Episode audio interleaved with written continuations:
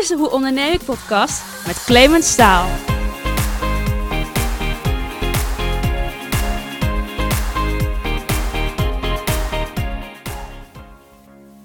Ja, lieve luisteraar, wat ontzettend gaaf dat je deze aflevering van de Hoe Onderneem ik podcast wil beluisteren. Elke 14 dagen tref je weer een nieuwe met elke keer een ondernemer met een interessant verhaal. Grote kans dat jij afgelopen jaren naar een event bent geweest waarbij mijn gast van vandaag verantwoordelijk was voor de spreker die je daar aantrof. Als jongetje werd hij gegrepen door de magie van goochelen en hij werd vervolgens ook Nederlands kampioen. En hij zette in de afgelopen 15 jaar onder andere het sprekersbureau Quality Bookings op, eventbureau.nl en theaterbureau.nl. En verder kwamen ook events zoals Business Boost en Business on uit zijn koker. Nou, Robert de Vries van Quality Bookings heeft een rugzak vol met mooie ondernemersverhalen. Zo haalde hij onder andere Richard Branson en uh, vicepresident van Amerika Al Gore naar de Ziggo Dome. En je hoort straks ook hoe hij dat voor elkaar heeft gekregen en ook of hij dat nogmaals zou doen. 2020 zou ondertussen eigenlijk het beste jaar worden met een uh, ja, hoop bestaande activiteiten, maar ook een nieuwe theatertour met Johnny de Mol en eentje met Willeke Alberti. Maar ja, corona gooit natuurlijk route in het eten. En uh, ja, net zoals bij zoveel ondernemers stortte ook bij hem de boel in met ruim 80% omzetverlies. Maar het geeft hem ook ruimte om ondertussen nieuwe dingen op te zetten. Nou, wil jij iets met spreken doen? Dan zou ik ook zeker aandachtig luisteren naar het gesprek dat ik had met Robert de Vries van Quality Bookings.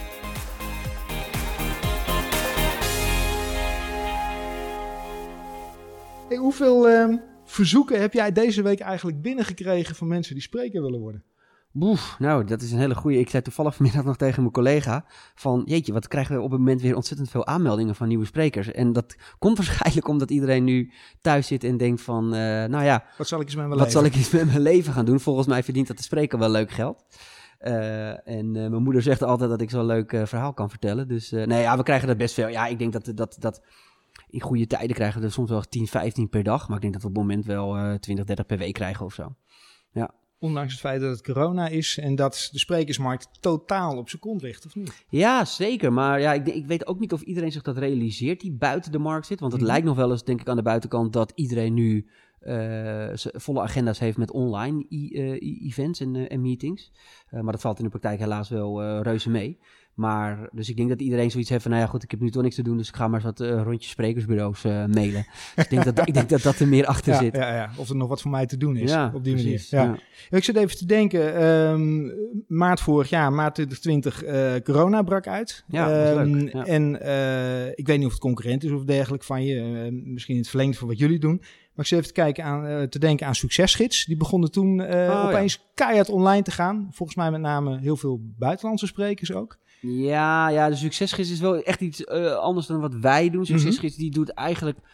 Um, en nou weet ik niet zeker of ik het nou helemaal goed zeg, maar ik heb altijd het idee dat zij zeg maar uh, kaartjes verkopen van andermans evenementen. Dat is het gevoel altijd een beetje wat ik erbij heb, want uh, ik zie altijd Tony Robbins voorbij komen, dat Ja. soort dingen, nou die organiseren ze niet zelf. Klopt. Dus het is meer dat ze dan een soort van uh, affiliate partner zijn of zo voor het... Uh, Ja, een beetje die, sales daarvan. funnel waar je zeg maar in ja, komt. eh, precies. Dat ze bij mij was benaderd hoor, of ze kaartjes konden verkopen voor onze evenementen. Mhm. Eh, maar ja, ik, ik geloof daar persoonlijk niet zo heel erg in. Maar ehm, ja, ja, gingen die heel hard eh, ineens... Want ik heb het niet voorbij zien komen. Volgens mij bestonden ze 10 of 15 jaar, Oh, in ieder geval een bepaald, eh, bepaald Ja. aantal jaren, waardoor ze een eh, feestjaar hadden bedacht. Ja. Ja, en dat liep allemaal een beetje in, eh, in de soep, waardoor Ja. ze dachten, veel, we gaan online inspiratie geven. Dus dat zijn ze in week twee of drie of zo, zijn ze dat Ja, gaan ja. inzetten. En dat hebben ze ook echt wel een behoorlijk aantal weken volgehouden, met allerlei sprekers, Nederlands, En het stil buitenlands. zeker. Eh, ja, maar ja, je kan niet, eh, je kan niet on top blijven volgens mij. Nee, nou ja, de- wij hebben het ook wel geprobeerd hoor. Mhm. en, en het werkt ook wel, want ik bedoel, er gebeurt genoeg online, gelukkig. Ja. Ehm, en en, en eh, ook bijvoorbeeld een denkproductie doet het fantastisch. eh, van Hans Jansen, die Mhm. doet ook fantastische evenementen online. Dus eh, er zijn een hele hoop mogelijkheden. En wij, Ja. ik bedoel, wij gaan 22 februari ook weer een masterclass organiseren, dus speciaal voor sprekers. Hoe je, je moet, hoe je moet spreken op een online event. Dus er zijn genoeg mogelijkheden. Maar ja, de markt is nog wel gewoon minimaal. Ja. Dat is Sprekers voor de Toekomst? Ja, hè? van de Toekomst Ja? is inderdaad ons label wat we dan, waar we, waar we onze sprekers en alle sprekers die we niet kunnen helpen, helpen om eh, op, eh, professioneel spreker te worden. Omdat wij vinden dat we daar inmiddels verstand van hebben. Eh, en blijkbaar vinden zij dat ook, want ze kopen er een kaartje voor. Dus dat zijn altijd hele leuke Ja. dagen waar sprekers bij elkaar komen. Nou ja, nu dan online. Ehm, en over het vak praten en Ja. ervaringen uitwisselen. En, en, en ik vooral mijn visie dan op het gebied van marketing met ze deel. Want daar liggen vooral mijn specialiteit. Mhm. Ik heb ook wel een beetje verstand van hoe je het eh, op het podium eh, beter kan doen. Maar Mhm. laat mij maar vooral bezighouden met het positioneren van een spreker eh, Ja. in de markt.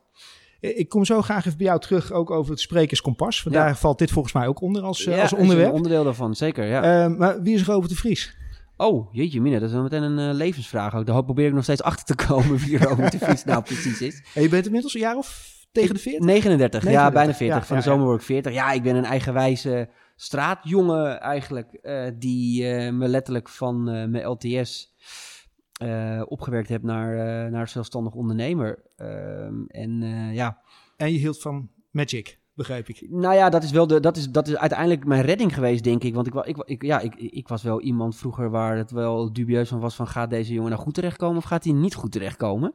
Ehm, want ja, ik, ja, ik, ik, ik ben laag opgeleid en ik, ja, je ga, ga je met lager eh, opgeleide om. Dus je, nou ja, je, weet, je, weet, je weet hoe dat gaat op dat soort scholen. Dus je komt ook met verkeerde vrienden in, eh, in Ja, aanraking. die heb je uiteraard niet als je hoog opgeleid bent, zou je zeggen. Nou ja, ja natuurlijk zeker wel. Oh ja, maar goed, dat, dat, dat weet ik dan niet. Ik, ik kan alleen praten voor mijn eigen wereld die ik kende. Dus het, het was bij mij wel een beetje van welke kant gaat die jongen nou op. En eigenlijk op hele jonge leeftijd kwam, kwam het goochelen inderdaad op mijn pad. eh, Magic. Iemand liet mij een keer een goocheltruc zien. En ik was er zo flabbergasted van dat dat kon.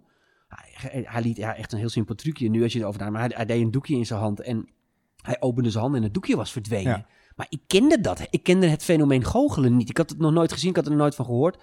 Dus ik dacht echt bij mezelf, wat doet die, wat doet die jongen nou? Nou, dus, nou, je hoort het nu nog aan mijn enthousiasme. En je was toen een jaar of tien of zo? Of- Ja, max. Max tien jaar. Oké. Ja, tien jaar denk ik. Misschien nog wel iets jonger.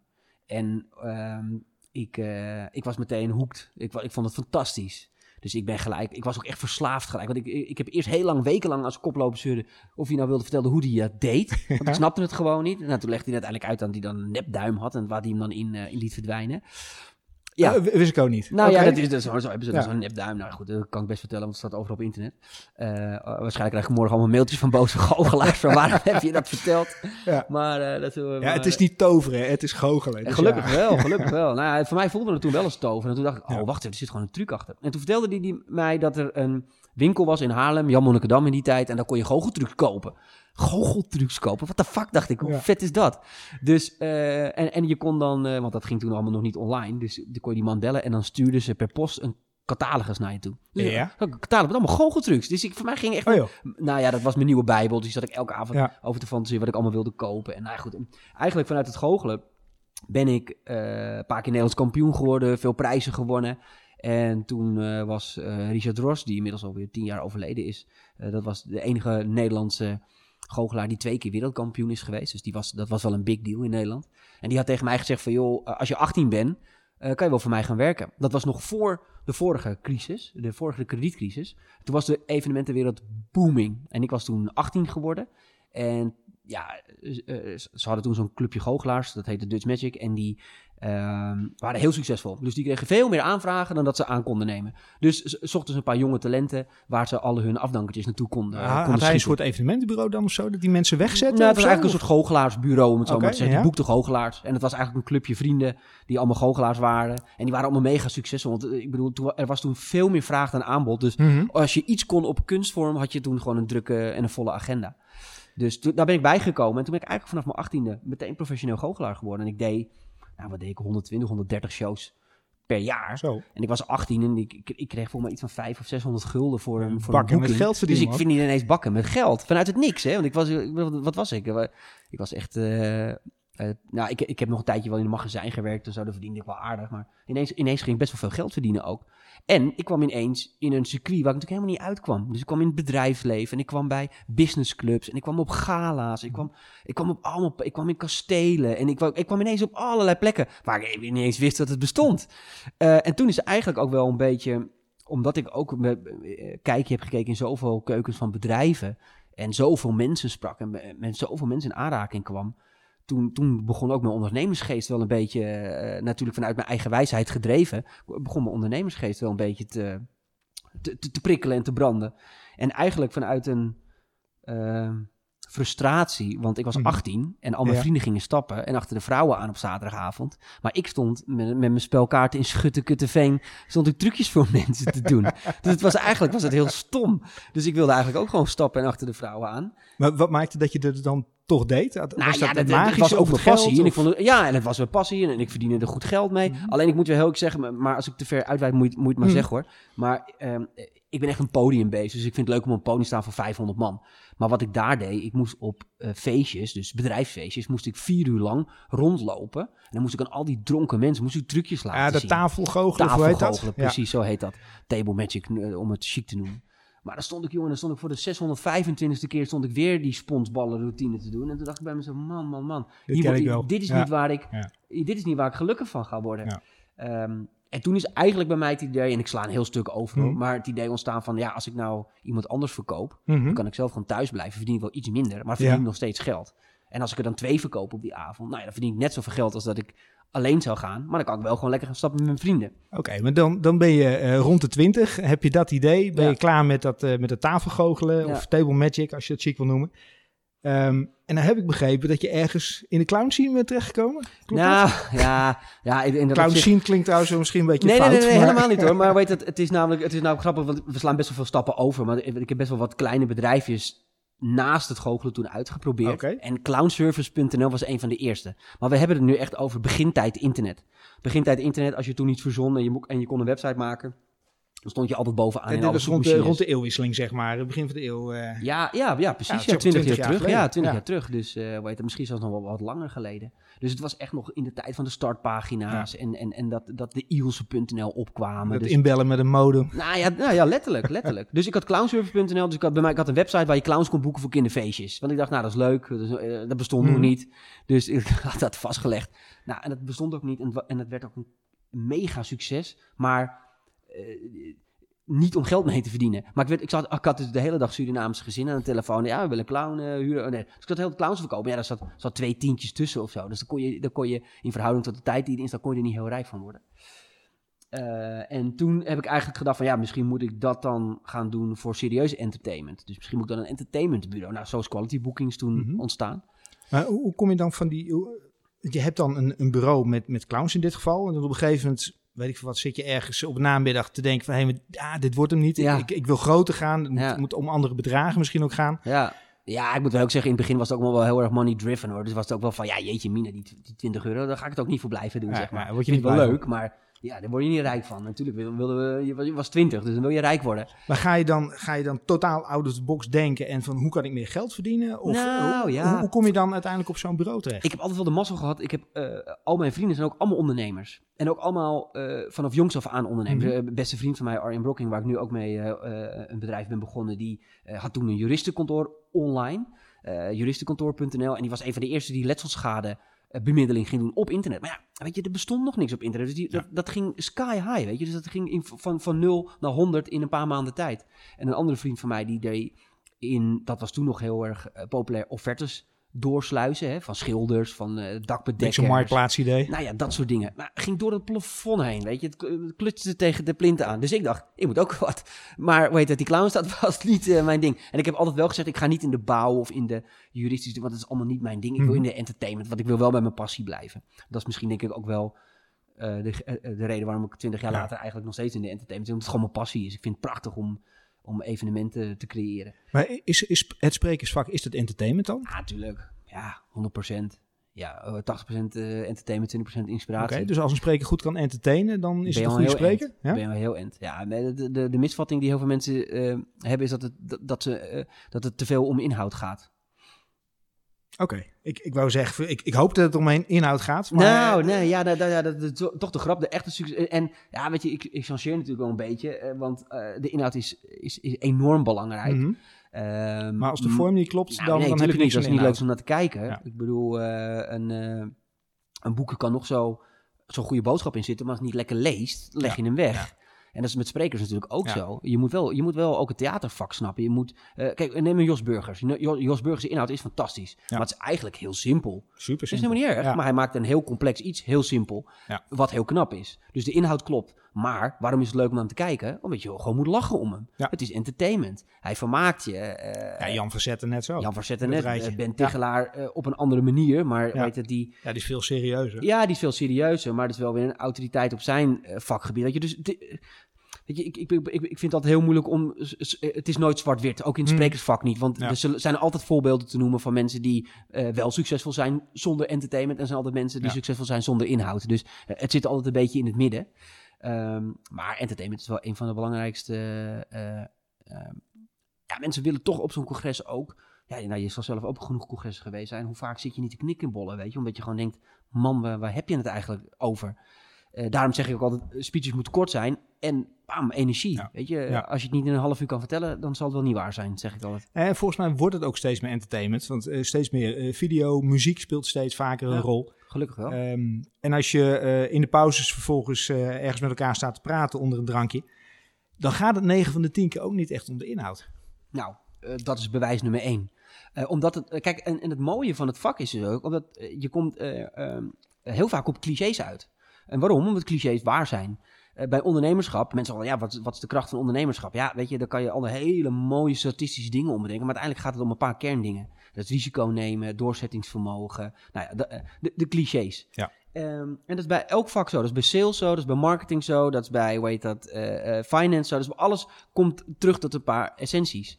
Ehm, dus die weet, en die weten we vaak ook allemaal wel. Alleen- vertelt een succesvolle spreker dan eigenlijk wat ik al weet, maar waarvan ik dan constateer, oh ja, maar ik doe het nog steeds niet, of ik pas het nog niet toe? Of... Eh, weer gechangeerd, maar vaak wel. Ja, en dat is ook helemaal niet erg. Want als je Jos Burgers hoort, denk je... oh ja, ja, hij heeft ook gelijk. Ook waarom neem ik dan ook weer zo die telefoon? Of dat ik weet dat als ik het zo opneem... Ja. dan, gaat het, dan is het veel beter. En, Ja. en dat weet ik wel. Maar ja, wel lekker dat hij het weer even zegt. Weer zo'n 15% korting gegeven. Precies, ja, Maar waar heb je het dan over tijdens de borrel? God, eh, is die gozer ook een mafkees, hè? Wat hebben we er ge- gelachen om hem. Ehm, maar, en wat hij zegt is wel raak, weet je. Dat is dan Ja. wat, wat er dan nog vaak achteraan komt. Maar moeten sprekers wel authentiek zijn dan wat dat betreft? Ja, ja, authentiek is natuurlijk een jeukwoord, maar het is natuurlijk wel... Ik denk dat het de essentie is van alles wat je doet in het Mhm. leven. Eh, ehm, en dan heb ik het niet over authentiek spelen, maar echt authentiek zijn. En ik denk ook wel dat alle succesvolle mensen en succesvolle sprekers één ding gemeen hebben, is dat ze authentiek zijn. Ja. En dat is niet omdat ze dat spelen, maar omdat ze gewoon zijn zoals ze zijn. Ik kan me herinneren, ik was op een gegeven moment bij een evenement in, in Amersfoort. Een, eh, eh, een, bedrijf wat daar een zoveel jaar bestond, had Just Burgers uitgenodigd. Oh, ja. En die vertelde daar zijn verhaal, ehm, alsof het zijn verhaal was. Mhm. En toen dacht ik, hé, hey, maar dit heb ik net vorige week ergens door een Amerikaan horen vertellen. En dat was zijn verhaal. Oké. En ik merkte bij mezelf dat ik toen dacht, hé, hey, hier, hier verliest hij wat. Oké. Nou, dat, dat, dat, dat, dat, dat weet ik dan persoonlijk weer niet.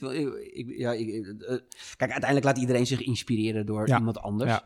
Eh, ik moet ook zeggen, ik heb Jos Burgers er nooit zo op betrapt op dat hij echt, echt materiaal van Hmm. iemand overnam. Maar dat kan hoor, dat, ja, dat, dat hoor je wel te dat zeggen, is een keer de eerste keer is, vertel je van, oké, ik heb horen zeggen dat. Ja. En de tweede of de derde keer Heb wordt het jouw verhaal. Ja, nou ja, dat, dat kan natuurlijk. Ja, dat hebben we allemaal wel eens eh, gedaan. En dat is aan zich ook nog niet zo heel erg, vind ik. Als je maar eh, wel je eigen jus eraan geeft en je eigen, eigen draai er aan geeft. En, en het binnen je eigen format laat passen. Hè, als je dan over authenticiteit hebt, dan het moet wel bij jou passen. En je moet het dan wel op Ja. een manier brengen dat het ook jouw jasje krijgt, zeg maar. Hey, on- ondernemen is, eh, is risico nemen, gecalculeerd risico nemen. Eh, hoe groot was het risico voor jou om eh, die aantal grote namen naar Nederland te halen? Richard Branson heb je ondertussen onder Ja. andere naar El weet, Gore. ik weet niet eens of, een, of, of ondernemer gecalculeerde risico's nemen is hoor. Ik, dat, dat, dat, hoop je eh, dat, dat je hem van tevoren kan, kan eh, calculeren.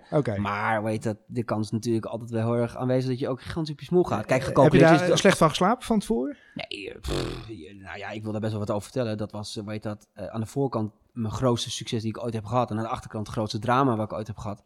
Eh Ziggo Dome zat vol, eh, afgelaaien. Eh, eh, een jongetje uit Almere heeft Richard Branson en El Gore naar Nederland toegehaald. Maar aan de achterkant heeft hem schepen met geld gekost. Daar ben ik heel eerlijk in. Wat Heb je er niet- spijt van ook dan? Nee, zeker niet. Nee, zeker niet. Ik zal morgen weer doen. Want uiteindelijk, in die end of road, heeft het me heel veel geld opgeleverd omdat ik van eh, eh, nou ja, ik, ik, noem het even kort door de bocht, maar zo zag ik het zelf. Dat jongetje met een handig websiteje, was ik ineens eh, de man De die de Ziggo Dome vol, Ja, vol had ja. zitten. En heel ondernemend Nederland zat er, Ja. weet je. Alle CEO's. Maar neem even mee, want je hebt een, een sprekersbureau, Quality Bookings. Ja. Vervolgens heb je allerlei sprekers. Ja, Hoe, hoe ontstaat dan zo'n verhaal met ja Richard dat, is- dat kl- klassiek verhaal. Een maatje van mij, Niels Houtenpen, zijn vader was overleden. We hadden een avondje diner. We zaten over het leven te brainstormen. Wat zouden we echt nog tof vinden een keer om te doen? Dus ik, ja, ik zou echt nog tof vinden om een heel groot evenement te organiseren. Mhm. Maar ja, festivals heb je al zoveel, concerten heb je al zoveel. Maar wat dan, weet je? En ja, kunnen we dan een link maken naar de business die ik al doe, met inspiratie? Ik zeg, hoe vet zou het zijn als we Bill Clinton naar Nederland halen? Dus Niels, oh, nou, dat zou wel vet zijn. En ja, maar hoe ga je dat verdienmodel technisch dan rondmaken? Want zo'n man kost tonnen. Nou, dus wij denken, nou, dan moeten we wel, dan moet je naar een grote venue. Dan moet je naar de Amsterdam Arena. Dat was de eerste, het eerste idee. Ja, zou dat kunnen dan? Nou, het is wel tof. En dan doen we, weet je wat, dan doen we niet alleen Bill Clinton, maar dan doen we ook Richard Branson. En die, zou dat, zou dat kunnen dan? Ja, geen idee, maar het zou wel vet zijn. Ja, het zou super vet zijn. Nou, weet je, we gaan morgen wel eens kijken of het lukt. Dus eigenlijk hebben we toen twee dingen gedaan. We zijn naar die sprekers gaan mailen, Mhm. eh, want die zijn verrassend makkelijk eh, te vinden eh, online. We praten ergens 2016, denk ik? 2016? Ja, ja, 2015 15, hadden we het ja, bedacht. ja. Ehm, En aan de andere zijde zijn we corporates gaan mailen. Ik, ik ben nog wel handig met Photoshop en dat soort dingen. Dus Mhm. ik had een presentatie gemaakt. Dit is wat we ongeveer willen doen. En toen hebben we naar eigenlijk alle corporates in Nederland een mailtje gestuurd van... joh, dit is ons idee. We hadden eigenlijk nog helemaal niks. We hadden e- echt alleen nog maar een idee. Eh, en, en we zoeken een sponsor. Want we hadden wel al bedacht, we moeten een sponsor hebben. Oké. Ehm, Maar, maar- die corporates, die kende je al. Want jullie hadden al een relatie met Deels een hoop. wel, deels niet. Nee, ja, nee, eigenlijk de meeste die we gemeld hebben, kende ik persoonlijk nog niet eens toen. Inmiddels nu wel, maar heet het toen niet. Ehm, en het gekke was, is dat alle corporates mailden terug. Oh, leuk idee, kunnen we vanmiddag even bellen? What the fuck? Marketingdirecteur AVAS, marketingdirecteur ING, marketingdirecteur Rabobank. What the fuck, hey, dat is, eh, oké, dit is ik bel nieuws. Nou, volgens mij hebben we nog wel, eh, kan dit nog wel wat worden. En aan de andere zijde kregen we ook al vanuit, nou, Richard Branson, nou, kan, maar het kost ongeveer zoveel. El Gore, ja, kan, maar dat kost ongeveer zoveel. Bear Grylls, ja, kan, maar kost ongeveer zoveel. Dus we wisten op een gegeven moment wel wat we... Wat we eh, tekort kwamen. ja, nou, dat vooral, ja. Ja, nou, zeker veel tekort komen. En, en ehm, nou, eh, ik, op een gegeven moment kwamen we toen bij AFAS. Daar hadden we eigenlijk een hele leuke klik mee. Eh, Martijn, de, de marketingdirecteur en Bas, de, de CEO. En we vroegen toen een miljoen. Dus we zeiden toen van, we, we hebben een miljoen nodig om dit Aan de sponsor. ja, als sponsor. sponsor hebben we een miljoen nodig. En Martijn en Bas zeiden, we willen het doen, maar we gaan geen miljoen betalen. Dus het kan, maar dan moet je het naar een ander bedrag toe. Ik zal Toen zei je bedrag 9 niet ton is ook goed. Ja, precies. Ja, nee, dat was maar zo makkelijk. Nee, het moest, naar een, het moest naar een ander bedrag toe. Dus we moesten terug naar de tekentafel, want we Mhm. konden het niet in de Amsterdam Arena doen. Want in Ja. de Amsterdam Arena was gewoon het verdienmodel, of, ja, of wat je moest ophalen, was te groot. Ja. En toen dachten we, oké, wachten we nou, als we nou Bill Clinton niet doen, Mhm. eh, dus nou, dat is weer een paar ton minder. En dan gaan we in de Ziggo Dome zitten. Dus heb je een kleinere venue, minder kosten, eh behapbaarder verdienmodel. Kunnen we dat uitrekenen? Kunnen we, dat- kunnen we dat tot een verdienmodel? Kunnen we rekenen, rekenen? Nou, volgens mij moet dat wel kunnen. Met veel te veel optimisme, eh, overigens de berekeningen gemaakt. Mooi lekker naar toe rekenen. Ja. Heerlijk. Nou, en toen hebben we, nou ja, naar je toerekenen, nou, ja, je rijk rekenen, weet je. We dachten wel van, nou, nou ja, laten we het zo zeggen, de grootste learning uit het hele proces is, doe nooit aannames. En wij deden alleen maar aannames. Hè? Als wij Richard Branson bekend maken, nou, dan moet je Ja. toch wel minimaal dit. Ja, wat moet je dan? Je zit ja. aan de tekentafel. Je moet ergens mee gaan werken. Ja, ja, 100%. En als we het niet hadden gedaan, hadden we het, hadden we het ook niet gedaan. Want als we het scenario van tevoren hadden geweten hoe het verdienmodel technisch zou uitpakken, hadden we het nooit gedaan. Ja. Wat doodzonde had geweest. Ehm, maar goed, dus toen op een gegeven moment nou ja, hadden we doorgerekend. Toen konden we op het bedrag uitkomen waar Avas eh Senang mee was. En die zeiden, ja, laten we het doen. Dus ik denk, tering, ja, nou oké. Shit, dat moeten we doen ook. shit Niels, Eh, dit is eigenlijk, ja, dit is nou ik niet verwacht dat hij zo snel zou komen. Want we hebben het over een paar weken tijd, hè? Van bedenken tot aan eh deal sluiten. Eh, maar ja, Richard Branson kon op 3, o- 4 oktober, El Gore kon op 4 oktober, Bear Grylls kon op 4 oktober en Anita Elbers kon op 4 oktober. Dus we konden gaan draaien. Maar ja, we hadden het wel over een eh, investering van miljoenen, want die mensen kosten allemaal tonnen. Nou, de Ziggo Dome kost geld, bam. En ben je dan het lefgozertje, zeg maar, wat denkt van, oh, dat doen we even? Of zit er dan toch ergens zo'n knup in je maag? Ik ben de lefgozer die zegt, doen we even. Maar ik had wel een andere partner, want ik kon het niet alleen doen. Ik kon het ook Mhm. niet financieel alleen dragen. Die, eh, ja, die, die zaten wat volwassener in de strijd. Dus die hebben daar heel lang over na moeten denken. Die heb ik heel lang moeten overtuigen. En eh, uiteindelijk, hoe heet dat, hebben ze gezegd, nou ja, let's do it. We gaan ervoor. En ehm, ja, en toen, en toen zijn we een avontuur ingegaan die niet, die, waar kan ik echt een boek over schrijven. Maar ja, zoals ik al net al zei, waar het vooral op aankwam, dat alle aannames die we gedaan hadden in de praktijk niet waar bleken te Ja. zijn. Dus we hadden een persrelease bij RTL Boulevard over dat eh, Richard Branson zou Mhm. komen. Vijf kaarten verkocht. Wauw. Vijf. En we hadden echt wel verwacht, nou, die gaan we wel een paar duizend kaarten verkopen. En Richard Branson, what the fuck, dit is de, de, grootste, de grootste ondernemer ter wereld. Maar heb je geëvalueerd waarom dat dan was? Was de prijs te hoog? Was het de doelgroep niet? Och, Wat- er, wat- er was zoveel fout. We hadden zoveel dingen bedacht die uiteindelijk niet slim waren. We hadden Mhm. bedacht om gefaseerde sprekers bekend te maken. Dus we, we deden eerst Richard. Branson. Nou, nou, fout nummer één, want mensen gaan pas een kaartje kopen als ze weten wat de hele line-up is. Ja. Zelfs als het Richard Branson is. Want Nederlanders zijn nuchter. De tweede fout was, eh, we waren heel blij met de sponsordeal met AFAS. Maar aan de andere kant, iedereen was gewend om van AFAS gratis kaartjes te krijgen voor alles. Dus Ja. iedereen in Nederland is een relatie van AVAS. Want AVAS heeft praktisch heel Nederland als klant. Dus iedereen zat te wachten tot AVAS gratis kaartjes ging uitdelen. Wat ze ook gingen doen, want ze hadden natuurlijk een sponsordeal. Dus ze hadden ook gratis Ja. kaartjes. Nou ja, en zo op fout op fout, op aanname op aanname op aanname... kwamen we op een gegeven moment op een punt... eh, waarbij je sprekers moet je gefaseerd betalen. Dus je betaalt, eh, ik zeg maar even, Richard Branson kost 3 ton. Je betaalt eerst 1 ton, twee later maanden eh 2 ton Ja. en dan 3 ton. En op een gegeven moment kwamen we op een punt waarbij we dus eh, minder inkomsten krijgen dan dat we moesten gaan betalen. En met dat soort bedragen gaat het echt heel erg snel. Nou ja, toen hebben we alle zeilen bij moeten zetten. We hebben, ik weet niet hoe, met hoeveel deeltjes we met Business Clubs hebben proberen te maken. Aan alle kanten. We moesten op een gegeven moment echt leuren met die kaarten. Leuren met die kaarten. Waar hebben we het over? We hadden het vetste evenement ooit. Maar de Nederlanders kenden het niet. We hadden het niet helemaal slim aangepakt. Eh, en iedereen zat te wachten op een gratis ticket. Dus we zaten in een soort, in een soort visueuze cirkel waar we gewoon geen inkomsten meer eh, binnen gingen komen. Eh, nou ja, op een gegeven moment eh, ehm, nou ja, puzzel, eh, begon het toch een beetje te lopen, ging toch de goede kant op. Eh, en zouden we in de plus uitkomen. Toen op het allerlaatste moment eh, viel er een deal van 2,5 ton weg. Die hadden eh, beloofd voor 2,5 en dat ging, gingen ze toch niet doen. Eh, nou, daar kregen we toen echt wat, daar gingen we echt in de problemen. Eh, eh, maar aan de andere kant hadden we ook weer een hele grote mazzel. Want eh, dat, je, je verzint het niet, dit. Je verzint het niet, maar het is echt waar. Er was al iemand anders, Maurits Groen, was al bezig om El Gore voor 4 oktober naar Nederland te halen. Totaal afgescheiden van ons. Wist niet van ons, wij wisten niet van hem. En, maar hij dacht dat hij de deal met El Gore al rond had. Maar dat had hij niet, want wij hadden de deal met El Gore rond. Maar het stomme was, die man had al voor een paar ton al kaarten verkocht voor een evenement waar hij helemaal geen spreker voor had. Joh. Dus die was, ja, het, eh, hoe, die kan het niet verzinnen. Die kan Ja. het niet verzinnen. Op dezelfde datum, 4 oktober, wij ook. Oh, op dezelfde Dezelfde datum? datum. Dat meen je niet. Want wat bleek, want die man had nog iets beter zijn huiswerk gedaan dan wij. Op 4 oktober was het tien jaar geleden dat El Gore zijn eerste boek had gepubliceerd over de hele duurzaamheidsissues. Ja? Dus die man had zitten opletten. Die denkt, nou, als ik hem tien jaar later neem, heb ik een mooi aanknopingspunt, punt. Dus die had Shells en de allemaal grote kop dat hij aangaakt. En die had allemaal pakketten afgenomen. Man. Die had het eigenlijk beter gedaan dan dat wij het hadden En gedaan. El Gore die dacht, veel, ik vang twee keer, maar ik hoef maar één keer te reizen. Nee, want wij hadden een exclusiviteitsdeal. El Gore mocht nergens anders spreken. Nou ja, je voelt hem al. Dus wij kregen een telefoontje van die partij. Van jongens, ja, Ga wij, hebben ergens Ja. de boot gemist. Wij hebben geen sprekers, maar wij hebben wel kaarten. Nou ja, toen hebben we met hun een samenwerking kunnen maken. Dus dat heeft ons uiteindelijk ook weer, eh, weer extra omzet gegenereerd. Maar in the end of the road zijn we echt wel, echt, echt nog wel financieel flink het schip Ja. ingegaan. Of tenminste, hebben, hebben een verlies gedraaid. Wat helemaal niet gek is, want ik bedoel, een Duncan Stutterheim had ook de eerste keer dat die Sensation deed 8 ton, eh 8 ton verlies. Dus dan de- deden we het nog niet eens zo heel slecht. Ehm, maar ja, wat ik zeg, ik bedoel, de, de, de, de, de, hoe zeg je dat, de navlek of de, na, de naloop van zo'n Ja, ja, ja, evenement. Ja, je komt ineens op een heel ander niveau, kom ik binnen. En iedereen wilde ineens met me werken. En alle, eigenlijk alles wat ik gezaaid had in de tien jaar daarvoor, Mhm. viel. Elke deal, elke spreker wilde met me werken. Elke, ja, je was, je was toch ineens eh, next level Maar is bezig. dit dan echt de tipping point, zeg maar, voor jou geweest? Ja, zeker. Ja, dat was een heel belangrijk punt. Ja, ik, ik was altijd wel goed bezig, ik verdiende wel geld. ja, ja. ja. Maar dit was ineens boem. Toen ging, toen ging het ineens, eh, Nu was ging het serieus. eens ontzettend eh, door het plafond heen. En eh, mensen hebben het er nog steeds over. En ik heb, en ik heb nog steeds wel dat mensen zeggen: Oh, ik was toen op je evenementen. Ik, ik ben het eigenlijk alweer vergeten. Maar ehm, ja, het, het was waanzinnig. Joh, we hebben zoveel avonturen beleefd. Ik weet nog dat we de opening van het evenement hadden. En ik stond daar. En je kan je voorstellen dat we, dat we gesloopt waren. En we moesten 's ochtends vroeg de beurs openen van de AIX. Nou, daar stond ik hoor, jochie uit, uit Almere.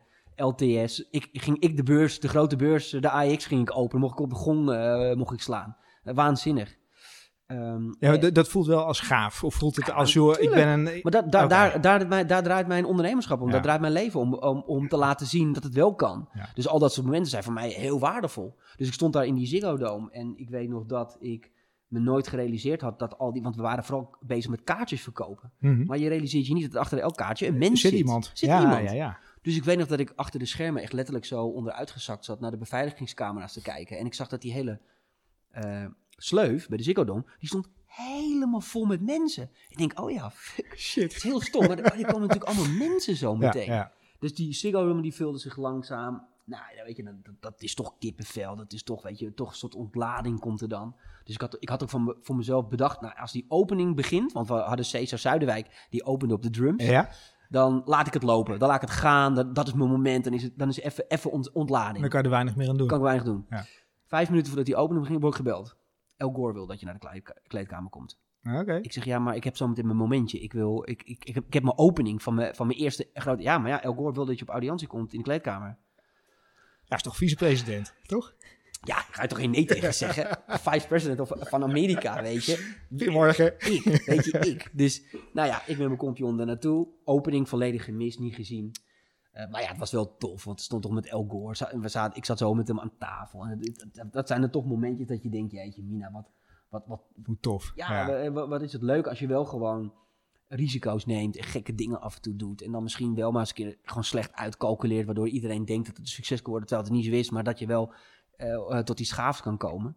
Eh, want dat was gewoon een magische, magische gebeurtenis natuurlijk, dat je gewoon met, met, met, met, met, met ja, de vice-president van Amerika aan tafel zit en, en je bedankt. En hij heeft op het podium, ja, dat zijn hele stomme dingen, maar ik vind het dan lachen.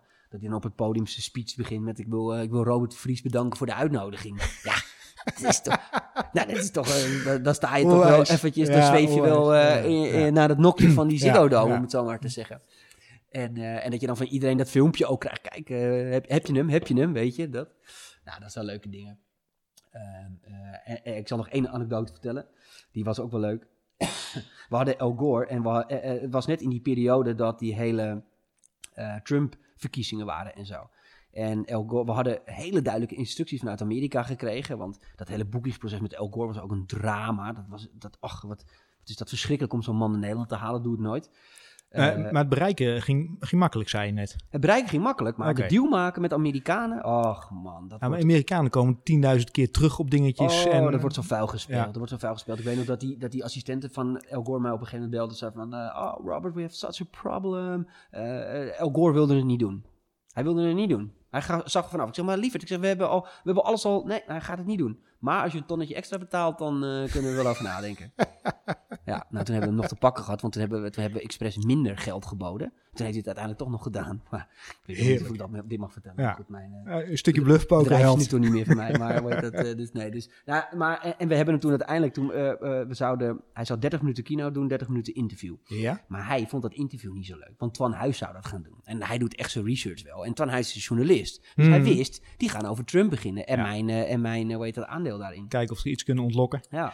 En eh, wat dacht die eh, slimme El Gore? Die dacht, nou weet je wat ik gewoon doe? Ik ga mijn lezing gewoon laten uitlopen.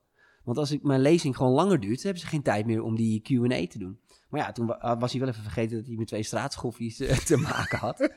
Dus wij lopen naar die assistent van El Gore en zeggen van... joh, wij ga gaan, El, uitlopen. wij gaan El Gore nu van het podium afhalen. En hij zegt, nou sorry, maar jij gaat echt de vice-president niet van, eh, van het podium afhalen. Ik zeg, nou ik weet niet of je weet waar je bent, maar je bent in Amsterdam en wij gaan nu El Gore van. Dus wij hebben een slide toegevoegd in, Ja? de, in de PowerPoint van, Van El Gore. van fucking El Gore.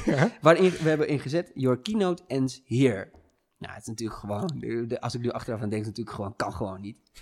En, eh, nou, dus die man die moest stoppen, want we, we hebben gewoon zijn presentatie stopgezet, punt. Dus toch het interview gedaan. En het mooie was dat Twan Huis ook nog, toen de wereldscooper uit heeft gehaald, Ja? dat hij Hillary zou gaan helpen in de, in de campagne. Ah, Volgende mate. dag wereldnieuws. Volgende dag wereldnieuws. Dus eh, ja, dat, was, ja, dat zijn dan dat zijn leuke dingen. Dat zijn mooie dingen. Ja, tof man. Ja, ja, en zo heb ik nog wel 80 anekdotes over dat evenement. Want eh, ja, Maar is, is ondernemerschap voor jou dan ook gewoon eh, een stuk bravoure? Of, nou ja, nou, bravoure heb je nodig denk ik om het te kunnen doen. Ik, ik, wat ik echt leuk vind in ondernemerschap is Mhm.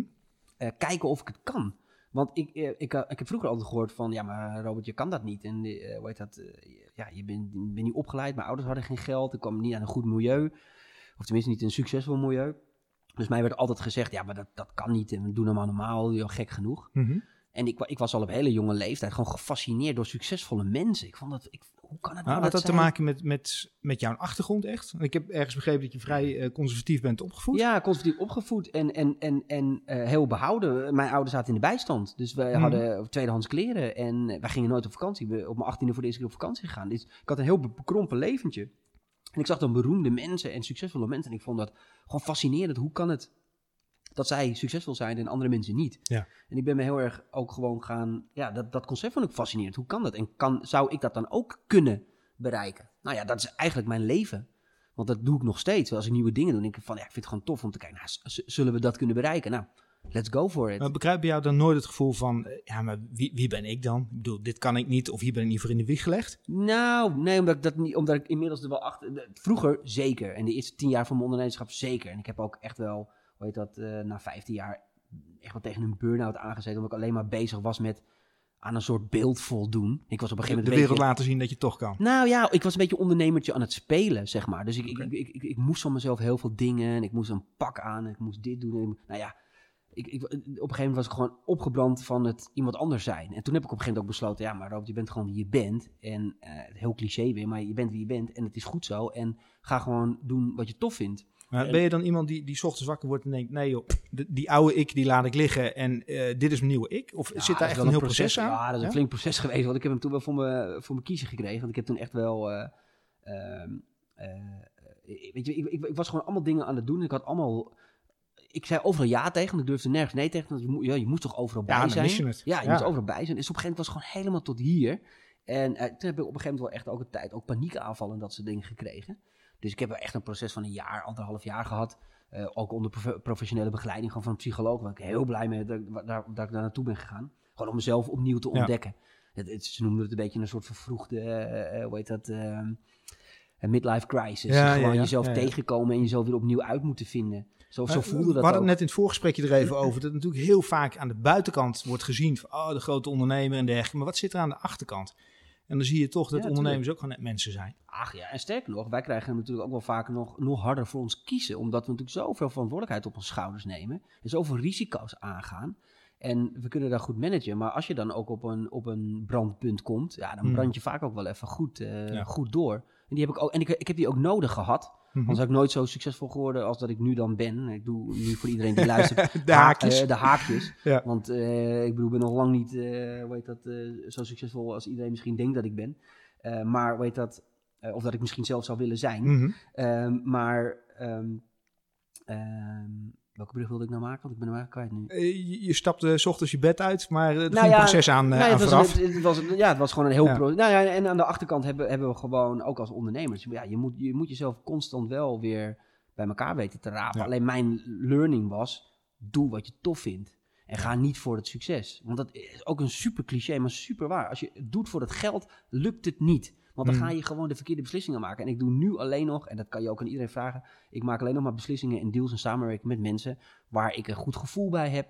Wat ik leuk vind. En dan zeg ik gewoon, nou ja, nee. En ik zeg ook wel eens tegen, heet dat, hele vooraanstaande mensen, gewoon, nou ja, dan, dan, dan gaat hem, dit hem niet worden. Want ik voel niet dat dit hem op mijn manier eh, iets kan bijdragen. Of dat we de- eh, elkaar kunnen versterken of energie uit kunnen halen.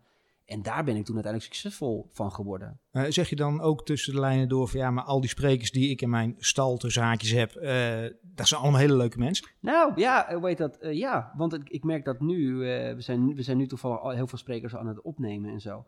video's mee aan het maken. En dan komt iedereen weer langs. En ja, weet je, ik ga met bijna iedereen op vriendschappelijk niveau om. Dus alle mensen waar ik mee werk, het zijn geen vrienden. Dus het is niet dat we, maar als, als ze er zijn, eh, voelt het wel als vrienden. Dus het zijn allemaal mensen waar ik energie van krijg. En zij krijgen blijkbaar energie van mij. En dat werkt gewoon heel erg fijn. En dan is het heel leuk om, eh, om met die mensen ook aan de, aan de slag te gaan. Eh, en zit er wel zo'n zuurpruim tussen? Ja, tuurlijk. En doe ik wel eens een deal, wel voor het geld? Tuurlijk. Maar niet meer alleen maar. Ja. Niet meer alleen maar. Ehm, want het, het, het, werkt dan gewoon uiteindelijk niet. En je weet dat als je een deal alleen maar voor het geld doet, maar je denkt, oh, ik vind die mensen verschrikkelijk, Mhm. dan krijg je hem terug. Ja. Dan krijg je hem terug, want dan wordt het proces heel zwaar en heel vermoeiend. En dan zit je jezelf alleen maar weer op te branden voor die patiëntjes. En je had het net over eh, veranderende rol, zeg maar ook. Mhm. Wa- wat, wat is de rol van, eh, eh, van een bureau zoals jij dat hebt? Nou, ik, ik hoop dat de, de rol van het bureau dat wij hebben echt wel op, op, op het begeleiden is van carrières. Dus wij hopen echt wel sprekers, en dat doen we ook, sprekers helpen op carrière niveau. Dus eh, eigenlijk een stip op de horizon voor die sprekers bepalen. Eh, wat wil jij? Wat wil je Zijn het sprekers als ze bij je komen? Of zijn het mensen die, wat, die iets te vertellen hebben, hebben meegemaakt, maar nog nooit op het podium hebben gestaan? Of- Beide. Ja, er- het zijn bekende Nederlanders die zeggen van, joh, ik ben eh, de hele Ik ben week... bekende Nederlander. Ik ben bekend Nederlander, ik ben de hele week op tv, maar niemand boekt me in het zakelijke circuit. Hoe kan dat? Nou Ja. ja, en dan gaan we met hem of haar aan tafel zitten om een heel concept te bedenken, zodat ze wel uiteindelijk zit je er altijd worden. op te wachten? Want ik zie ook wel eens bekende Nederlanders. Ik denk van ja, joh, je bent bekende Nederlander, maar moet ik daarom dan naar je gaan luisteren? Nee, eh, precies. En dan ga ik ook niet met ze werken. Dus mijn eerste vraag is ook altijd: waarom wil je met ons werken? En waarom wil je spreker worden? Nou, als dan het antwoord is ja, omdat ik er lekker een beetje bij kan snabbelen, dan ga ik niet met ze werken. Er moet wel echt een, eh, een drive achter zitten en een soort passie achter zitten. Dat mensen eh, hun verhaal willen delen met mensen, ook als, als ze bekende Nederlanders zijn. Dus ehm, daar begint het altijd mee. En ja, eh, en uiteindelijk heeft elke spreker een andere vraagstuk. Dus er komen ook wel sprekers bij ons. Nou ja, Deborah Nas is daar een mooi voorbeeld van. De professor aan de TU Delft op het gebied van innovatie. Heel vakkundige vakvrouw. Weet alles op het gebied van, eh, Van de inhoud dus. van tech. Ja, Ja, zeg ja. maar ook, ook, eh, en dat is het leuke, ze staat als een professor op het podium. Dat is ook entertainment. En, ehm, maar ze, ze had geen werk. Of tenminste minimaal werk. Dus nou ja, goed, dus eh, handen ineen geslagen. En nu staat ze denk ik 80 keer per jaar in goede tijden op het podium. Dus weet je, dat zijn gewoon mooie dingen waarbij, je, waar- waarbij ik mijn kennis op het gebied van marketing... Hè, ik ben, mijn vrienden Mhm. noemen me wel eens een roeptoeter, omdat ik gewoon, eh, ja, ik, ik hou van dingen de wereld in roepen eh, en zichtbaar zijn. Maar dat maakt blijkbaar wel carrières. Ja, En- ik hoorde jou echt zeggen, ik ben een online ondernemer wat dat betreft. ja, ja, nou ja, kijk, ik, ik ben goddankbaar blij dat dat hele online toen opkwam. Want ik weet nog dat ik, toen ik net begon met ondernemen, nog wel eens moest bellen en dat soort dingen. En dat, ik kan dat echt niet. Ik, krijg, ik haal er geen energie uit. Bij de derde nee haak ik af. Ja. Ja, je mag nog een foldertje opsturen of zo. Och, ja, nou, dat, nou ik, heb, ik, heb, ik weet nog wel toen ik eh, ook met, eh, eh, toen ik goochelaar was, ik, toen was ik, de- pakte ik het ook wel ondernemend aan, want dan belde ik ook alle bureaus in Nederland van, joh, mag ik mijn foldertje opsturen, mag ik mijn foldertje opsturen, mag ik mijn foldertje opsturen. Nou, dat vond ik, ik vond dat geestdodend werk en dat was dan nog makkelijk. Maar toen je echt sales moest gaan doen via de telefoon, was gewoon niet mijn ding. Dus ik was goddankbaar blij dat, we, dat je gewoon op internet eh, iets kon plaatsen en dat mensen jou dan belden. ja. Want het was een warm telefoongesprek. Dat vind ik veel fijner dan eh, iemand koud bellen. Maar ik neem aan dat je op dit moment nog steeds veel sales naar buiten toe doet. Je hebt verschillende accountmanagers lopen, begreep ik. Ja, dat valt eigenlijk wel. Ja, ja, ja, wat is dan sales? Hè? Ik bedoel, ik noem het dan netwerken, maar ik doe bijna al het net. Ik bedoel, wij zitten hier ook via LinkedIn. Ik zit bijna met. Ik, zit eigenlijk, ik doe eigenlijk bijna alleen maar zaken op LinkedIn en WhatsApp. Oké, maar komen mensen dan met name naar jou toe? Of ga je toch Nou, dat is buiten wel beide hoor. Dat is wel beide. Want als ik nu iets wil, dan stuur ik, ja, weet je, dan, dan, dan stuur ik of een mail of, ja, het is misschien heel corny, maar ik bel eigenlijk bijna nooit iemand in eerste instantie. Ik bel wel heel veel hoor, Mhm. want eh, ze bellen mij wel vaak dan. Maar ik bel in eerste instantie, doe ik altijd van, ja, het kan ook wel via de mail. Dat is lekker makkelijk, kort, hup, bam, en, eh, en door. Ja. Ehm, en, en ja, dat werkt gewoon tegenwoordig. Dus dat, ik vind dat heel prettig. Dat communiceert lekker makkelijk. En WhatsApp is fijn om te doen, want dat Mhm. kan je lekker tussendoor doen. Dan kan je reageren op je Ja. eigen moment. En, en mijn netwerk op LinkedIn is heel groot, dus daar krijg ik heel veel verzoeken altijd Mhm. binnen. Eh, ook voor podcasts en interviews en dat soort dingen. Maar ook van sprekers die carrièreadvies willen. Maar ook eh, ondernemers die geholpen worden, weet ik veel. Kan niet, helaas niet op iedereen reageren en iedereen helpen. Maar ik vind LinkedIn wel echt een heel leuk platform. Ja, Ik heb er echt heel veel plezier in. Vind ik echt heel leuk. Ik probeer de rest van de platformen zoveel mogelijk te vermijden. En we hadden het over de, de, de veranderende rol, zeg maar. Hoe zie jij dan die rol voor de komende vijf of tien jaar? Je zei net al even eh, in het voorgesprek, van, ja, ik, ik ben druk bezig nu in deze coronaperiode om al die sprekers eh, op beeld te krijgen. Ja, ja Daar gaan we een ik- platform we omheen kunnen er niet bouwen. te veel eh, over vertellen, maar Mhm. weet dat. ehm, eh, nou ja, kijk, de rol blijft hetzelfde. En dat is sprekers helpen aan een carrière en aan boekingen. Ehm, alleen de vormen gaan veranderen. Dus we zijn nu veel ons meer aan het richten op online. Eh, dus wat kunnen we. eh, hè, want er er zijn geen evenementen. eh, mocht je het nog niet gemerkt hebben. Maar er zijn geen evenementen. Mocht je onder een steen liggen. Er zijn Ja. nul evenementen. Nul Ja. evenementen. En je moet je voorstellen, normaal gesproken op een dag. Er zijn 20.000 evenementenlocaties in Nederland. 20.000. En die, en die hebben allemaal werk. Dus elke dag zijn er minimaal wel 20.000 evenementjes. Hè, die, die aanhalingstekens weer. per dag. En nu niks. Nul. En, die, en, en dat heb je niet in online events. Maar goed, we zetten er wel op in. Want het Maar, is nu het enige Sorry, wat is. zeg je dan ook veel, eigenlijk zijn er... Nou, Oké, laten we zeggen dat ze niet alle dagen vol zitten. Want ik kan me voorstellen dat je als Nou, maar, loop- maar lopen ze een Van de Valk Hotel binnen? Ja, ik denk dat daar op een dag wel 20, 30 seminars aan de gang zijn. Waar sprekers geboekt kunnen worden. Ik heb het over evenementen waar sprekers geboekt kunnen worden. Maar dat betekent dat je eigenlijk zegt, per dag hebben we ruimte voor 20.000 sprekers in Nederland.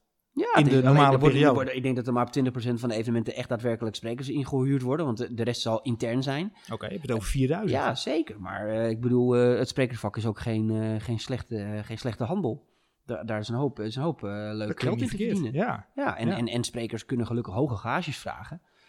Of ja, wat is hoog? Maar ja, dit is, er is gewoon, als je het goed aanpakt, is er gewoon goed geld in te verdienen. Ja. Eerlijk is eerlijk. Ehm, ehm, alleen, ja, dus, dus de markt is heel groot. Alleen nu is die markt heel klein. Dus je gaat nu zoeken naar wat kunnen we dan doen in de veranderende markten. Ja. Maar onze rol blijft hetzelfde. Dat is het faciliteren en het helpen en begeleiden van de sprekers. Eh, Ja, en in feite moet je natuurlijk ook wel, want je bent een soort makelaar. Ik bedoel, uiteindelijk moet er ergens een vraag zijn, er moet een aanbod zijn en jij zit daar tussen, maar je moet het ook niks, creëren. want ik bedoel, dit had ook een prima tijd eh, geweest om te kunnen zeggen: wil ik stop met mijn bureau, want het is Ja. mooi geweest.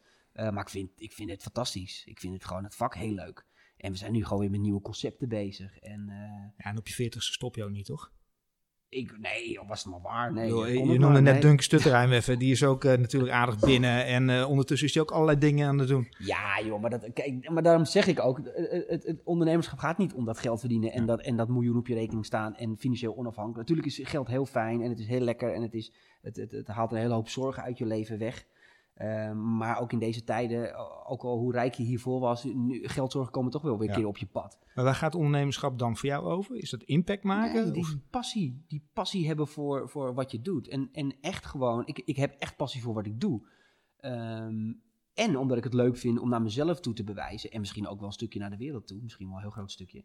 eh, om te laten zien dat het Ik kan. kan het. Nou, Ja. het, nou ja, of het kan. Ik kan het, maar dat heb ik denk ik wel al bewezen. Maar ook Mhm. van, het, het, het, eh, al, alles kan. Alles wat je morgen... Ik zeg wel eens voor de, voor de grap, als ik ehm, echt een passie zou hebben om minister-president van Nederland te worden... Dan, dan weet ik bijna zeker dat het me zou lukken. Want overal waar ik mijn tanden in bijt, lukt mij gewoon. En dat is niet om arrogant te doen, maar daar werk ik, daar werk ik knijterhard voor. Eh, dat is niet omdat ik nou, eh, oh, ja, ik heb een groot netwerk, dus dat is lekker makkelijk. Nee, ik werk heel erg hard om dat voor elkaar, omdat ik het leuk vind, omdat dat een enorme voldoening geeft. Eh, en, en, en, dat- en dat brengt mij dan eh, in the end of the road eh, geluk. Oké, en dat betekent ook, dan hoor ik jou ook zeggen dat als hier iemand komt die zegt van ik wil spreker worden en jij ziet dat, Mhm. dan gaat het gewoon gebeuren. Wel als ik, als ik er wat in zie. Dus ik, ik, ik, moet wel, ik, moet, ik moet er wel warm van worden. Ja. Ik moet wel denken, hey, wacht even, hier zit iets in. Hier, of hier moet iets, hier kunnen we wel iets uit kunnen krijgen. Of dit, dit gaat een succes worden.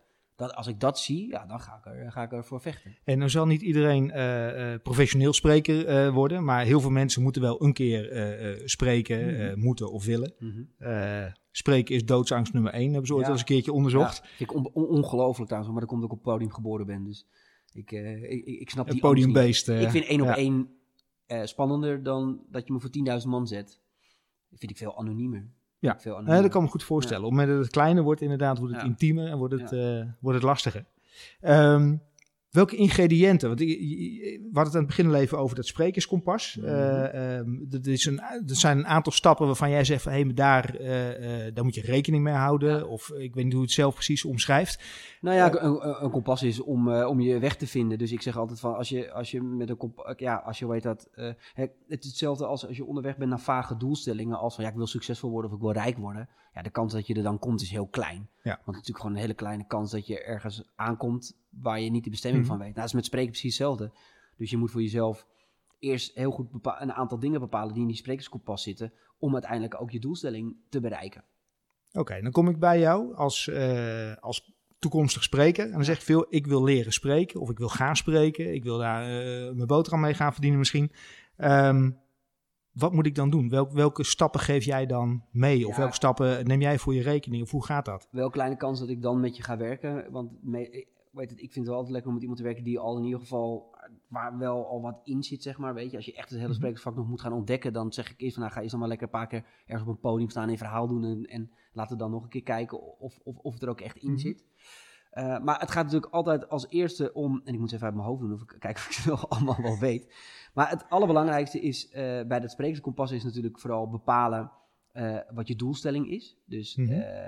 waar, en, en, dat, en dat mag een hele banale financiële doelstelling zijn. Maar wat, wil je nou eigenlijk? Want wat ik net al zei, er zijn heel veel mensen onderweg naar vage doelstellingen. Ja, ik wil professioneel spreker worden, maar wat betekent dat dan voor jou? Ehm, nou, en die, en die heel makkelijk te maken. Eh, eh, als jij professioneel spreker wil worden, dan moet je ervan leven. Dus dan heb je geld voor nodig. Nou ja, wat voor, met wat voor leven ben jij oké? Nou ja, ja eh, wat voor leven ben ik oké? Nou, ik wil drie keer per jaar op vakantie en ik wil uit eten kunnen als ik dat kan. Oké, hoeveel geld heb je daar dan voor nodig? Nou, laten we zeggen in Nederland 100.000 euro. Nou, dan kan je toch kan je behoorlijk wat doen. Oké, ik heb 100.000 euro per jaar nodig. Nou, laten we zeggen dat je als spreker gemiddeld ongeveer zo'n 2, 2.500 euro verdient. Laten we voor onderaan de streep gaan zitten, 2000 euro. Dus nou weet je hoeveel boekingen je per jaar binnen moet gaan halen.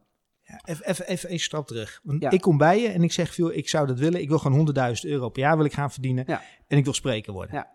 En toch heb ik ergens het gevoel dat je daar nou niet zo enthousiast over wordt. Nee, daar ben ik helemaal niet enthousiast over. Maar we hebben nu, eh, eh, ik ben nu eigenlijk een beetje een stap geweest die sprekerskompas aan het oké. doorlopen. Kijk, eh, het nummer één is, waarom wil je spreken?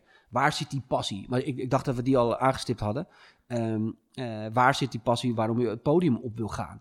Die is het allerbelangrijkste. Als ik daarbij merk dat het alleen maar om geld gaat, of dat het alleen maar gaat om aandacht, of om ego-bevestiging, of om mijn moeder vindt dat ik een leuk verhaaltje kan Ja. vertellen. eh, Dat is prima, No maar niet bij jou, zeg maar. Nee, het gaat om, weet je, ik heb jongens aan tafel gehad die, eh, hoe heet dat, terroristische aanslagen slagen hebben overleefd en daardoor een veel gelukkiger leven hebben gekregen. Wauw, dat vind ik interessant. Eh, ik heb jongens gehad die eh, in de gevangenis hebben gezeten en die, nou, ik, ik heb mensen die mega hoe heet dat, studies hebben gedaan op het gebied van innovatie en hun kennis willen delen. Van, Mhm. dit moet de wereld weten. Dat vind ik mooi om te werken. Dat is, dat is de basis altijd. Maar uiteindelijk moet je er wel een bedrijf en een merk omheen gaan bouwen. Dus dan is het wel belangrijk ook van waar gaan we nou onderweg. Mhm. Ik vind heel belangrijk, wat is de doelstelling voor de eerste komende paar jaar? Want dat is voor ons bureau belangrijk om te weten. Mhm. Want als iemand zegt, ik vind het leuk om twee keer per maand ergens mijn verhaal te doen, dat is wat anders dan als iemand zegt, ik wil, eh, hoe heet dat, eh, de internationaal meest geboekte spreker ter wereld worden en miljarden gaan verdienen. Dat is Ja. een heel ander aan, aanvlieging van Ja. het traject. Alleen het probleem is dat iedereen altijd begint, maar ja, ik wil graag eh, professioneel spreker Ja. worden.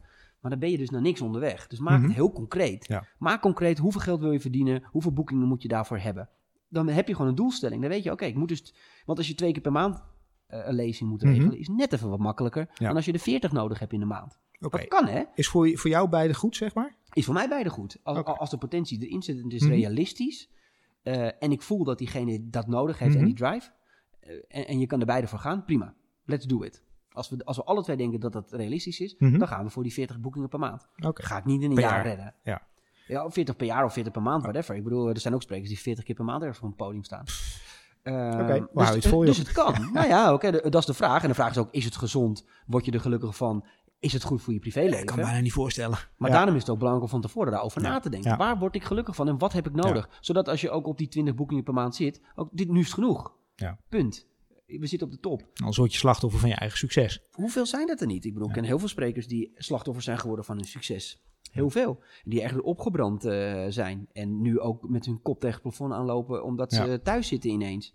Is niet goed. Er moet een goede balans in zitten en er moeten goede doelstellingen zitten. Dus die is heel erg belangrijk. Oké, dus we hebben die, die why. Waarom doe je wat je doet? Of wil je dit gaan doen? Ja. Vervolgens hebben we gekeken van, oké, Wat wat, wat, is dan je strategie of je doelstelling voor, eh, voor komend Ja. jaar? Nou ja, dan ga je kijken naar de vorm die je in de markt wil zetten. Eh, dus, dus wil je, weet dat, eh, lezingen gaan geven? Wil je dagvoorzitterschap gaan doen?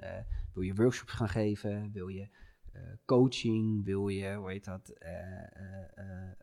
eh, online een academy opstarten? Eh, wat, wat wordt de vorm die we in de markt gaan zetten? Mhm. Want dan moet je er één voor kiezen. Want ik ga niet met mensen werken die zeggen... ja, maar ik kan en dagvoorzitterschap en spreker worden... en ik kan ook nog een beetje een debat leiden. En nou, dan ga ik niet meer werken, want dat is niet, dat is niet te doen. Want je moet... Want? Ja, omdat het niet te vermarkten is. Als je dat wil, weet het, noem mij één succesvolle spreker die ook een succesvol dagvoorzitter is.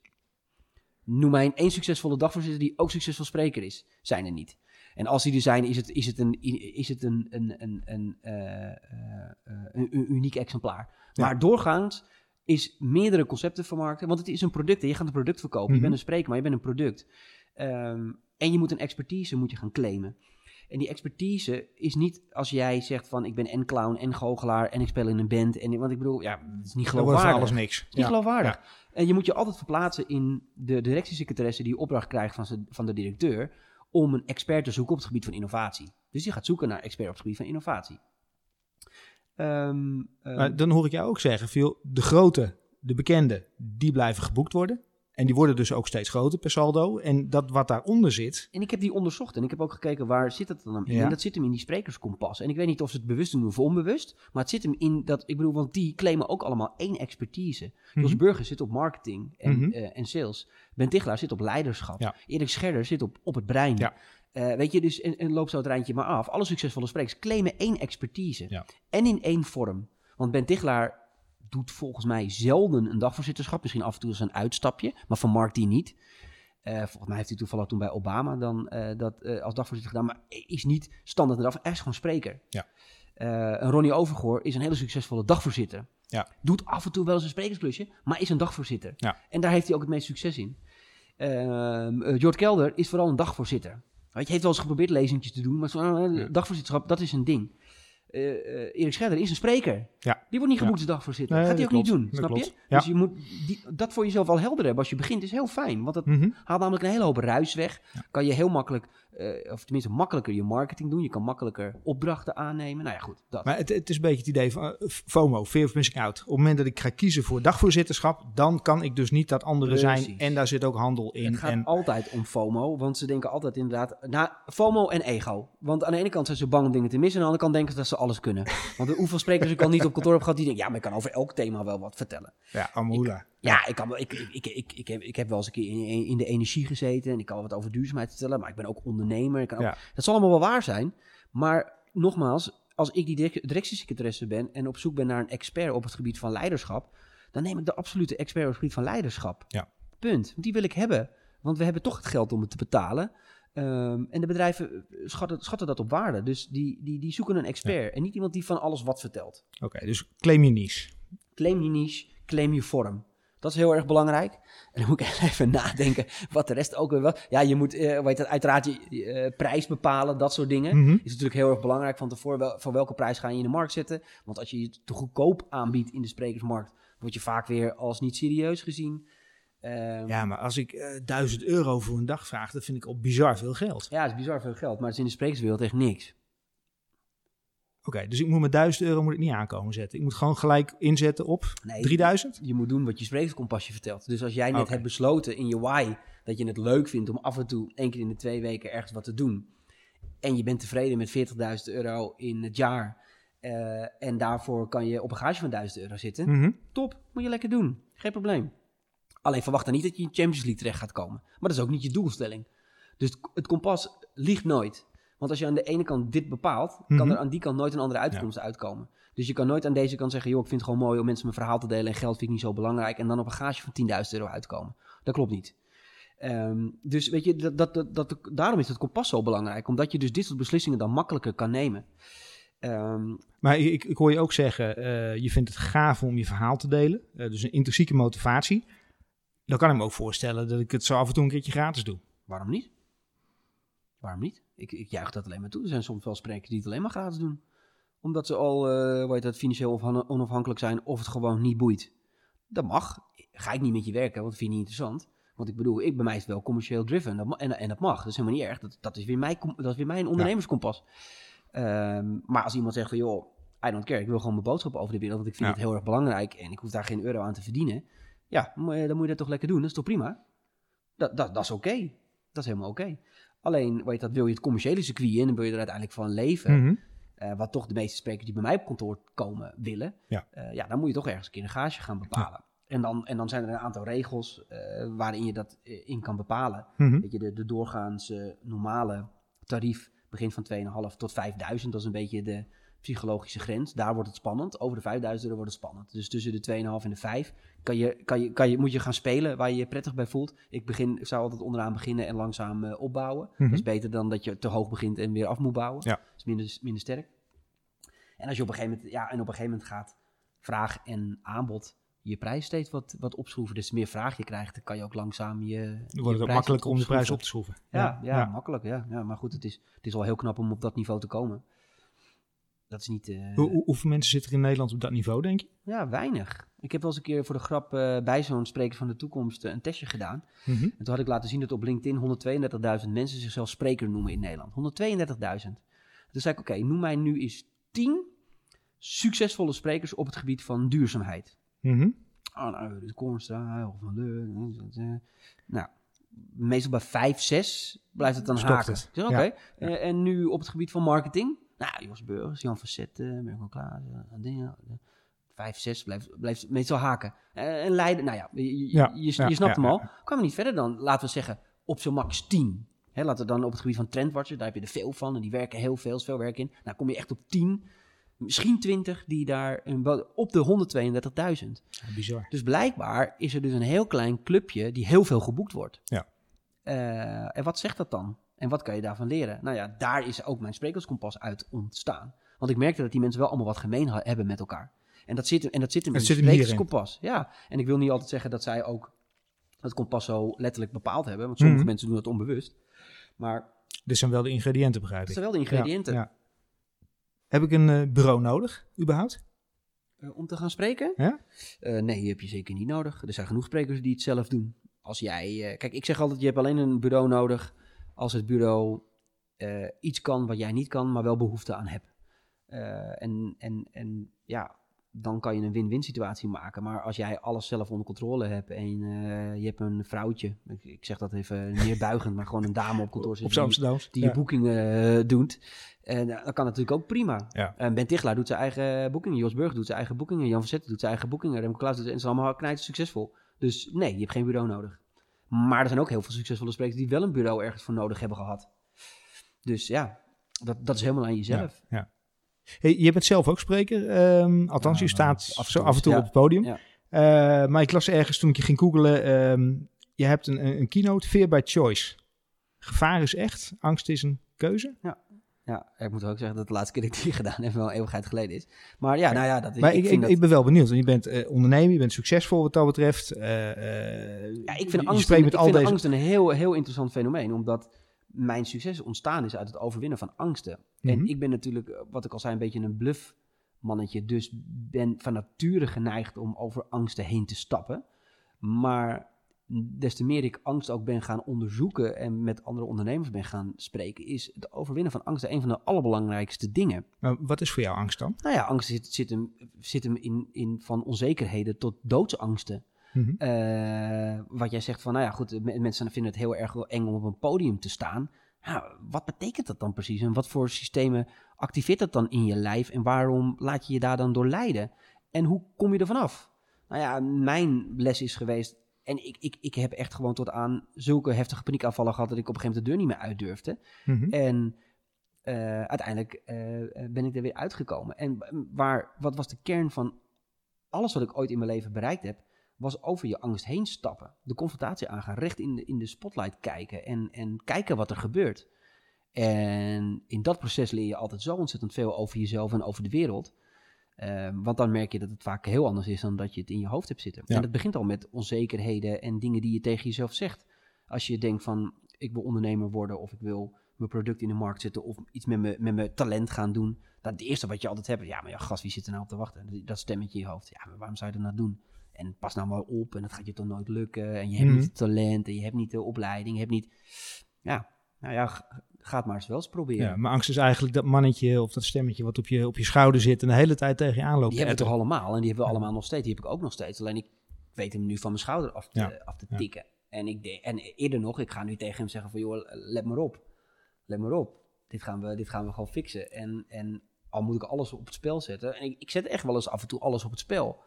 Ehm, maar ja, dat is de enige manier. En des te meer risico je neemt. Te groter. Nou, kijk, dat Ziggo Dome verhaal was het absolute voorbeeld van des te groter risico je neemt, des te groter het resultaat kan zijn.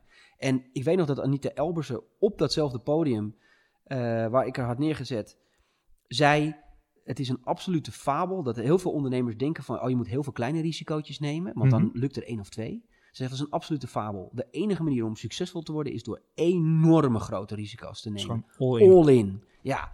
En eh, hoe heet dat? eh, eh, en iedereen moet voor zichzelf bepalen wat all in is. Want ik zou altijd adviseren om in ieder geval nog wat geld ergens te hebben staan. Dat je niet knijter helemaal tot aan de grond failliet gaat.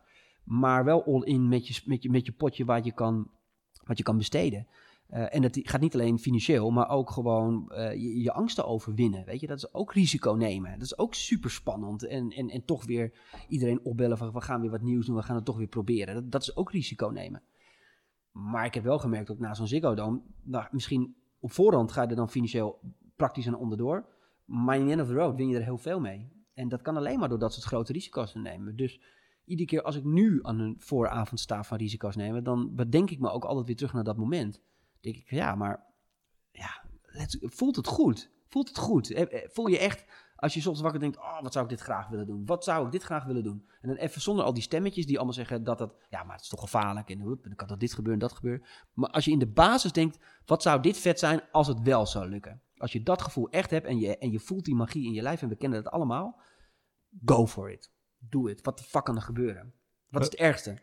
Eh, Wat is jouw grootste blunder als je terugkijkt? Ja, blunders, blunders, blunders. Ik weet, ik weet niet, blunders klinkt heel negatief, omdat het dan lijkt alsof je iets gedaan hebt wat uiteindelijk nergens toe geleid heeft. Maar uiteindelijk hebben al mijn fouten me ergens naartoe geleid. Eh, elke, elke beschamende telefoongesprek, elke beschamende afspraak die ik heb gehad, elke beschamende presentatie die ik op het podium heb gedaan, elk beschamend evenement wat ik heb georganiseerd, heeft me uiteindelijk ergens naartoe gebracht. Waardoor ik het de volgende keer beter ben gaan doen. En dus een betere ondernemer, betere gesprekspartner, betere ja, risiconemer geworden ben. Mooi. Dus ik denk ehm, dat, dat blunders, niet- Ja. blunders bestaan niet. Dat, weet je, dat, dat is ook zo'n ding. Oh, Dat wordt je dan verteld. Ja, maar blunden, oeh, ja, ja, ja, ja, dat, ja, dat kan. Ja, ik blunder, Nou, ik blunder eh, elke dag. Die blunder is hetgene waar je wordt afgerekend, op wordt afgerekend in, in corporate. Je, Ja, je mag bij nou je ja, manager komen, bij je leidinggever. Je hebt de Ja. blunder begaan en of je vliegt eruit, of je... Ja. Er is iets. ja, maar ik moet je ook zeggen, eh, het spel in corporate land eh, begrijp ik niet zo heel goed. Ik, ik, ik kan niet zo goed met die politiek en al die, Hmm. dat, soort, dat soort spelletjes. Dat, dus daar kan ik niet zo goed over oordelen. Ik, ik kan het echt alleen maar zien op, op het gebied van ondernemerschap, omdat ik daar ervaring mee heb. Alhoewel ik me ook denk dat je in een corporate, als je authentiek blijft en je fouten durft toe te geven en gewoon zegt, ja, hij fucked up. Maar eh, ja, weet je, ook dan denk ik dat je juist veel verder komt. Ja. Want uiteindelijk zijn we allemaal mensen en het is menselijk om fouten te maken. Alleen moet je er niet zo ingewikkeld over doen. En dat is wat ik ook bij mezelf altijd gewoon probeer. Want ik maak dagelijks non-stop fouten. Ik zeg zo vaak tegen mijn, mijn meiden op kantoor ook van... Oh, want dan, dan, spreek ik ze ergens op aan en zeg ik... Oh, ik, ik, ben, ik heb waarschijnlijk zelf een paar maanden geleden gezegd... dat het, niet, dat het een dom idee was, hè? Eh, ja, Ja. dat heb je inderdaad gezegd. Ik zeg, ja, stom. En, bedoel, geef die fouten gewoon toe. Het is oké, weet je. Je mag fouten maken. Het is lekker, lekker fouten maken met elkaar. Want dan, als je alles maar goed wil eh, blijven Ja. doen... Ja, Mooi, ik, ken, mooi. ik heb nog nooit iemand leren kennen die alles, eh, alles goed doet. En onderaan de streep heb je het eh, positief laten uitslaan wat dat betreft, die balans. Ja. Dus Ja. dat, eh, dat doe je goed. Ja. We zijn ondertussen een uurtje aan het praten. Heb ik Oh, jou gaat op dit moment een, een vraag nog niet gesteld waarvan je zegt van... hé, hey, maar die, die had ik eigenlijk verwacht of die, die moet er nog in, dat stukje. Nee, volgens mij niet. Volgens mij hebben we alles wel, wel aangetikt. Nou, dan, dan heb ik in de Hoe Onderneem ik podcast meestal wel de vraag... Veel, wat zijn nou drie tips die jij een andere ondernemer zou willen meegeven... waarvan je zegt, veel, het was geen blunder voor mij misschien... maar het was wel echt een leermoment. En eh, let daarop. Nou, drie tips, zeker nu in de coronacrisis. Stop met zeuren. Weet je, echt, eh, ik word echt moe van alle ondernemers die nog eh, lopen te huilen thuis... dat ze het allemaal zo zielig hebben en zo zwaar hebben. Eh eh cut the crap. Je moet je eigen situatie regisseren. En dat is gewoon zo. Het is ook een cliché, bent de regisseur van je eigen leven, maar het is echt waar. Pak gewoon, eh, laat je oude businessmodel los. Ga er gewoon vanuit dat het nooit meer terugkomt en ga herprogrammeren. Ga gewoon opnieuw naar je verdienmodellen kijken, opnieuw naar je bedrijven. Stop met zeuren en ga vanaf morgen gewoon weer, weer rammen. Ehm, ja, weet je, blijf, hoe heet dat, eh, ja, weet je, ja, ik, ga, ik ga heel Ja, je gaat die clichés, zou zeggen. Ja, en- ja. Ah, verschrikkelijk. Maar het is gewoon waar. Nou ja, weet je, ik, bij mij is, is gewoon wel jezelf blijven onwijs belangrijk in elke deal die ik maak. En ik blijf mezelf daarop sturen. Voelt het goed? Voel je de passie? Voel je de sparkling in je lijf? Of voel je hem niet? En je hebt gewoon wel eens bij mensen dat je van tevoren al denkt, ah, ik Mhm. weet het niet met die, ik weet het niet met die gozer. Is dat buikgevoel ja, tuurlijk. spannender of beter dan dat hoofdgevoel? Tuurlijk, want je, ik bedoel, dat buikgevoel is niet, dat is intuïtie. Dat heb je niet voor niets gekregen. Dat, dat, dat zegt je wat over, en, en- wat dat dan precies is, weet ik niet. Maar het zegt je wat over, hoe, eh, ik bedoel, jij moet er ook wel zo vaak gehad dat je van tevoren al een onderbuikgevoel had, je het toch hebt gedaan en Ja. dat je op je bek bent gegaan. Ja. Omdat het toch een klootzak bleek te zijn, of toch een onbetrouwbaar iemand, of dat het toch niet zo uitpakte als dat je van tevoren eigenlijk Ja. al wist. Altijd naar luisteren, per definitie. Nooit overheen stappen. En ten derde, eh superveel lol maken. Laten we vooral heel veel lol maken in het leven, want het leven is echt super kort. En we, we, we, we gaan er zoveel gekke periodes heen met z'n allen nog de aankomende tijd. Ik vind echt, en daarom doe ik nu ook vooral heel veel zaken, ook met vrienden. Heel veel mensen zeggen altijd, ah, je moet met vrienden geen zaken doen. Als het echte vrienden zijn Mhm. en je vriendschap heeft zich al bewezen, eh, dan is het heerlijk om met vrienden zaken te doen. Want je hebt en de lol en de business en je kent elkaar door en door. Dus je, je hoeft allemaal niet meer zoveel ingewikkelde vergaderingen te beleggen. Want je kan elkaar aankijken en, hij, eh, en, en ehm, eh, als je elkaar lekker kan bekritiseren Mhm. zonder dat het gevolgen heeft, dat, dat werkt heerlijk. Dat werkt Mooi, heerlijk. Dus mooi. doe ook lekker vrienden, zaken met goede vrienden. Gewoon doen. Have fun, vind jezelf opnieuw uit. Ik ga je bedanken, Robert. Top. Dankjewel, man. Wat vond je ervan? Volgens mij zeg ik niks te veel als ik zeg dat dit echt een geweldig interessant gesprek was. Hoe tof om deze jongensdroom te leven. Denk jij nou, ja, misschien ben ik wel de spreker van de toekomst? Dan eh, heb je zeker wat aan zijn sprekerskompas en wellicht ook aan het event Sprekers van de Toekomst. En ik ben natuurlijk enorm benieuwd welke tips jij voor jezelf uit dit gesprek hebt gehaald. En eh, ja, wat vond jij inspirerend? Laat het me vooral weten. En tof als je een comment of een review achterlaat op de plek waar je deze podcast hebt gevonden. En je kan hem uiteraard bijvoorbeeld op iTunes 5 sterren geven. En wil je in contact komen, dan kan dat via LinkedIn of via info.hoeonderneming.nl. Tot de volgende podcast.